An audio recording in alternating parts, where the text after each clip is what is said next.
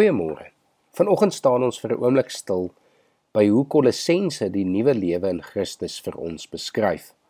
In hoofstuk 2 vers 20 word die volgende stelling gemaak: Julle het saam met Christus gesterwe en is dus dood vir die wettiese godsdienstige reëls van hierdie wêreld. En dan word die volgende vraag gevra: Waarom lewe julle dan nog asof julle aan hierdie wêreld behoort?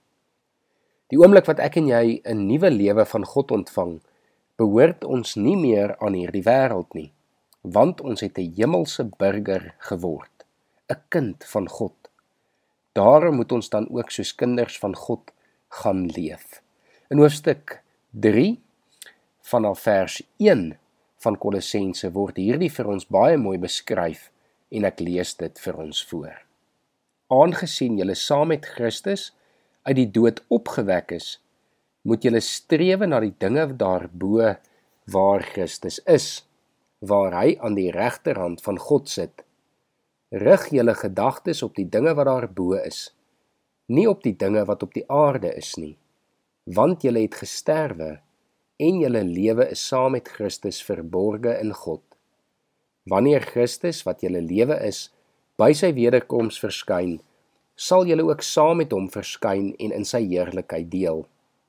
Daarom moet julle die aardse dinge doodmaak wat nog deel van julle lewe is. Onsedelikheid, onreinheid, welis, slegte begeertes en gierigheid wat afgoderry is. Deur sulke dinge kom die straf van God oor mense wat aan hom ongehoorsaam is.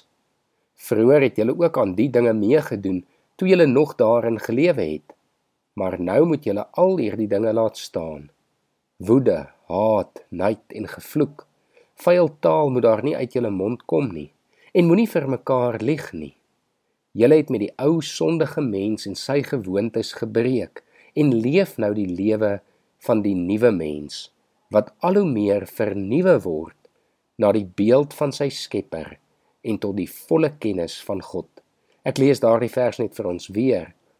Julle het met die ou sondige mens en sy gewoontes gebreek en leef nou die lewe van die nuwe mens wat al hoe meer vernuwe word na die beeld van sy Skepper en tot die volle kennis van God.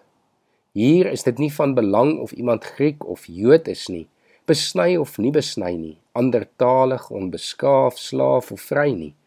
Hier is Christus alles en in almal. Julle is die uitverkore volk van God wat hy baie liefhet. Daarom moet julle meer lewend, goedgesind, nederig, sagmoedig en verdraagsaam wees. Wees geduldig met mekaar en vergewe mekaar as die een iets teen die ander het. Soos die Here julle vergewe het, moet julle mekaar ook vergewe. Bo dit alles moet julle mekaar lief hê.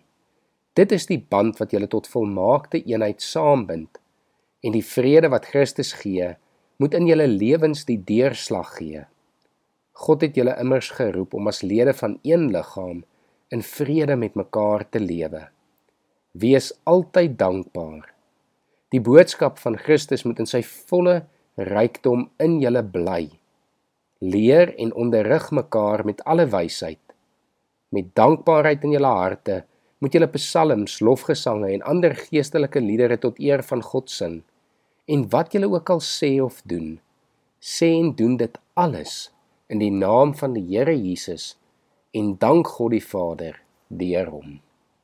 Ons moet strewe om die nuwe lewe van God te leef.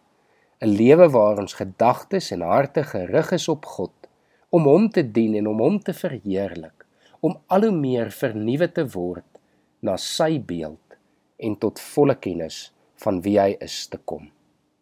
Kom ons bid saam. Here, dankie vir hierdie pragtige beskrywing in Kolossense oor wat dit beteken om 'n nuwe lewe te leef. Here, ons leef nog hier in die wêreld en ons ou lewe is rondom ons en daarom is dit nie vir ons altyd so maklik nie. En daarom kom vra ons dat U ons sal help om ons gedagtes en ons harte op U gerig te hou, dat U deur die Gees ons sal lei en dat ons sal strewe om al hoe meer gevorm te word na U beeld. Ons bid dit in Jesus se naam. Amen.